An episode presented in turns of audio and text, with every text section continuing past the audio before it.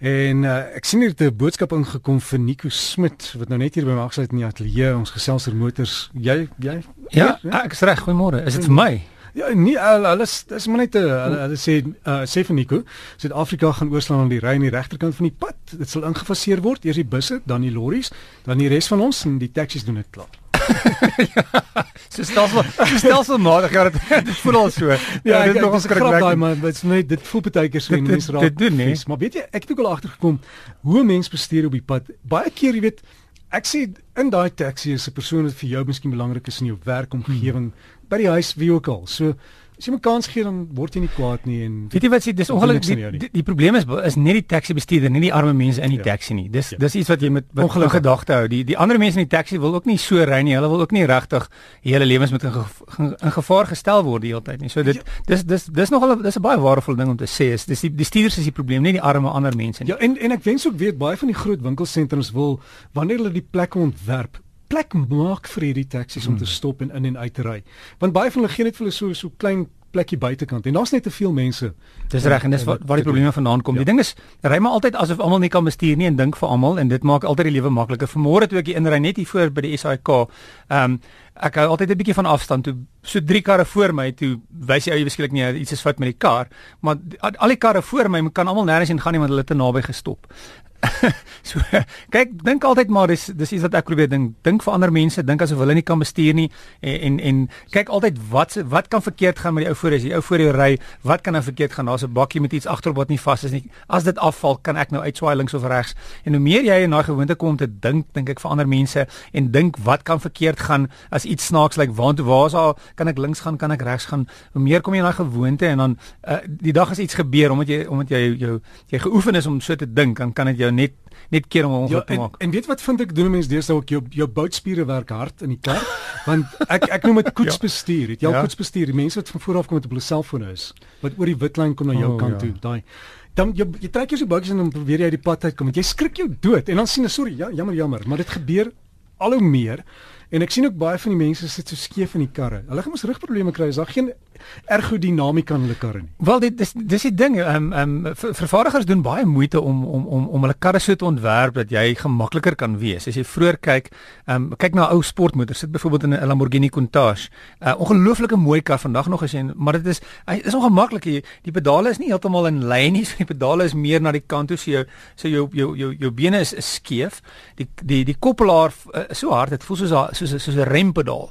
So ehm um, as jy gewoonlik daai ons kyk as uit moet hulle baie sterk bobene dink ek jy om om heeltyd ratte te verander. So ehm um, as jy kyk na kar kontroles, ehm um, aanvanklik ehm um, was dit ook maar ehm um, ons toets en kyk wat werk die beste. Ehm uh, um, kar het nie aanvanklik dadelik stuurwiele gehad nie. So die eerste stuurwiel, die eerste kar was 1886, maar die eerste stuurwiel was eers 1894 in 'n Panhard soos ons dit vandag ken in 'n resies kar. Andersins was dit maar so 'n hefboom wat hulle gebruik het om om die voertuig mee. Dis reg. Die pedale soos ons dit vandag ken is ook nie was nie aanvanklik ehm um, so nie die die versneller was nie 'n pedaal op die vloer nie, dit was op die stuurwiel was daar 'n 'n 'n weer eens 'n hefboom wat jy bietjie meer krag gegee het en bietjie stadiger gery het. Die, die kar was natuurlik ook nie baie vinnig nie, so daar was nie baie instrumentasie om vir jou te sê hoe vinnig jy ry nie want ehm um, dit was nie die spoed was nie 'n probleem nie en, en jy het ook nie iets gehad om eintlik te kyk na of die engine oorvrit het of iets daar was geen regtig enige instrumentasie soos dit vandag ken nie. So as jy ooit in een van hierdie ou kombies gery het, onthou jy jy moes mos daai pedale tot in die vloer trap. Dis reg so afgegaan onder jou in. Dis reg, pedale ook vandag is meer hulle is geneig om dan van bo af bo af te kom. Bo af te hang. Vragmotors is dalk van onder af, maar pedale in die kar is is van bo af. Selfs om die kar aan te skakel uh, of of die engine aan te skakel. As jy dink vroeër, um, as jy nou redelik terug gaan ons daai hefboom wat jy moes draai om die die die silinders in die gang te kry. En daai hefboom partymal het het arms van mense gebreek omdat die die die krag is is die engine aanskakel. En op 'n stadium het hulle selfs ehm um, ehm um, uh ehm um, kruit bos buskruit gebruik of dit was 'n eksperiment om of daar was um, voertuie en tanks wat ges, wat aangeskakel het met buskruit. In ander woorde soos 'n soos 'n halgeweer. Jy het buskruit gebruik om om die silinders aan die gang te kry. En ek laai my kar en dan steek jy in die brand. Dis nogal skrikwekkend as jy dink dis hoe jy die kar vandag is dit maklik jy jy jy, jy draai die 'n sleutel in die engine um, begin. Ehm um, en aanvanklik uh, was dit eers in 1949 was dit die eerste was dit was dit ehm um, um, gepatenteer deur deur Chrysler. Voor dit was dit eintlik soos ons dit nou dink kyk hoe oulik is jou kar het 'n knoppie om die engine aan te skakel. Maar ehm um, dis nie 'n nuwe ding nie. Dit was al vir lank was daar 'n knoppie wat wat dan elektrisiteit gegee het na 'n elektriese motor wat dan die engine in die gang gekry het. Ehm um, so die instrumentasie as jy nou vandag kyk en jy sê luister hier's 'n model T Ford en jy wil die model T Ford ry, gaan jy dit nie reg kry nie want alhoewel dit lyk soos drie pedale op die vloer, is een pedaal 'n koppelaar, een pedaal is stuurrad en een pedaal is 'n rem. Uh so die rem is dan 'n hefboom en en jou jou krag is op die stuurwiel en dan was jy ander jy moet die mengsel van die ehm um, van die lug en die en, en die brandstof ook verstel op die stuurwiel. So as jy kyk waar karre vandag is, is ek dink ek ons het baie ver gekom. Ons is al so gewoond daaraan en meeste karre is redelik dieselfde. Ehm um, die pedale is dieselfde. Die die as jy outomatiese radkas het, is dit PRND ehm um, so park reverse neutral drive. So dit is redelik eenvoudig. Nee, maar daar's nog 1 en 2 en ander goed op by, né? Daar daar's sommige sommige voertuie, so meeste voertuie is, is ehm parkeer um trirad um neutraal um die vir drive en dan baie maal die meeste karre sal nou SOK vir sport en dan um meeste outomatiese radkaste het ook dan 'n uh, jy kan die uh, um daai uh, rad hefboom links of regs druk en dan is daar 'n plus en 'n minus of 'n uh, so met ander die plus en die minus is dan jy het so 'n bietjie meer beheer op op die radde as jy dink kom ons sê 70s of 1980s Mercedes Benz ook.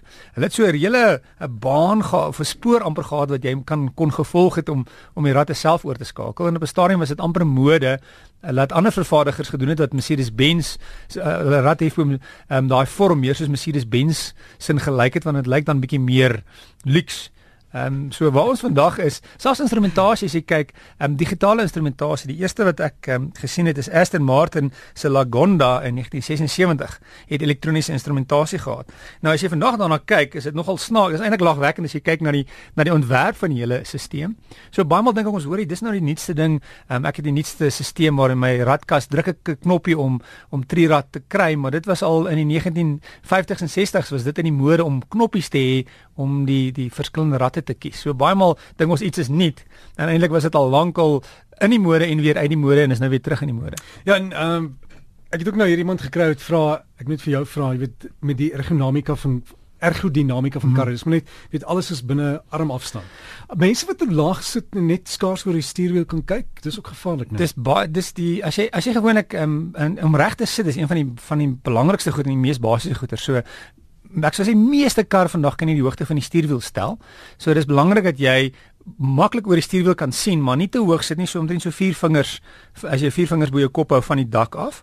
Ehm um, so dis belangrik om om om mooi oor die stuurwiel te kan sien, maar ehm, ver, vervaardigers doen baie moeite om seker te maak die stuurwiel is in die middel, die pedale is in die middel. As jy jou hand op die rad hef om sit, is dit nie rek nie. As jy sien maar die radiostasies verander, is dit nie rek nie. Alles begin op die stuurwiel ook of, of meeste voertuie ook het nou al kon basiese kontroles op die stuurwiel. So baie moeite word gedoen want as ons sit al hoe meer en meer in die voertuie en as as jy nie baie as jy nie reg sit nie, dis hoekom jou rug seer raak, dis hoekom jou nek seer raak of jou bene seer raak. Baie maal is dit net as gevolg van nie goeie ontwerp in 'n voertuig nie. En dis byvoorbeeld wat wat wat as jy meer betaal vir 'n kar, baie maal is dit ook baie kostes wat daaraan gaan is om seker te maak die die ergodinamika aan die voertuig is baie goed. So dis ook baie maal hoekom jy meer betaal, sitplekke is gemakliker, ehm um, die kontroles werk gemakliker. En van die sitplekke kan deesdae ook op en af stel, nie net voor op en af vorentoe, ja. agtertoe. Uh, sitplekke kan uh, kan uh, warm word, koud word. Hulle kan jou masseer. Ehm um, wat die sitplekke kan doen is ongelooflik. Ja, nee, dit is ehm um, uh, dit is maar alles kos natuurlik geld. En ehm um, uh, het jy dit regtig nodig? Dit hang af van van hoe meer geld jy het om te spandeer, hoe meer luksede kry in die kar. Ek moet sê dis baie lekker om ergens te ry en 'n sitplek wat jou so masseer. Dit is nogal ontspannend en, of of op 'n op 'n koue dag vir dit 'n sitplek is ook dan om En hoekom sê jy maar net die stuurwiel in die middel van die kar nie? Wel, um, jy, dan gaan julle al twee persone saam wel bestuur. McLaren, McLaren F1 het op 'n stadium gedoen. McLaren F1 het die bestuurder in die middel voorgesit en dan die twee passasiers links en regs agter. Wat baie sin gemaak het want jy hoef dan nie links of regterhand stuur nie. So as jy 'n bietjie wil gaan kyk, kyk McLaren F1 binnekant en dit was nogal 'n interessante manier. Daar was nie weer karre soos dit nie. Hm. Baie dankie. dankie, lekker naweek. 'n Lekker naweek vir jou en veilig ry asseblief. Okay, en veilig by jou bestemming kom. Sien jou volgende naweek. So gesels ons dan met Nico Smit hier op RSG. As jy enige vrae het, jy kan net vir my e-pos en dan kan ek vir Nico aanstuur en dan kan ons 'n bietjie van jou vra antwoord.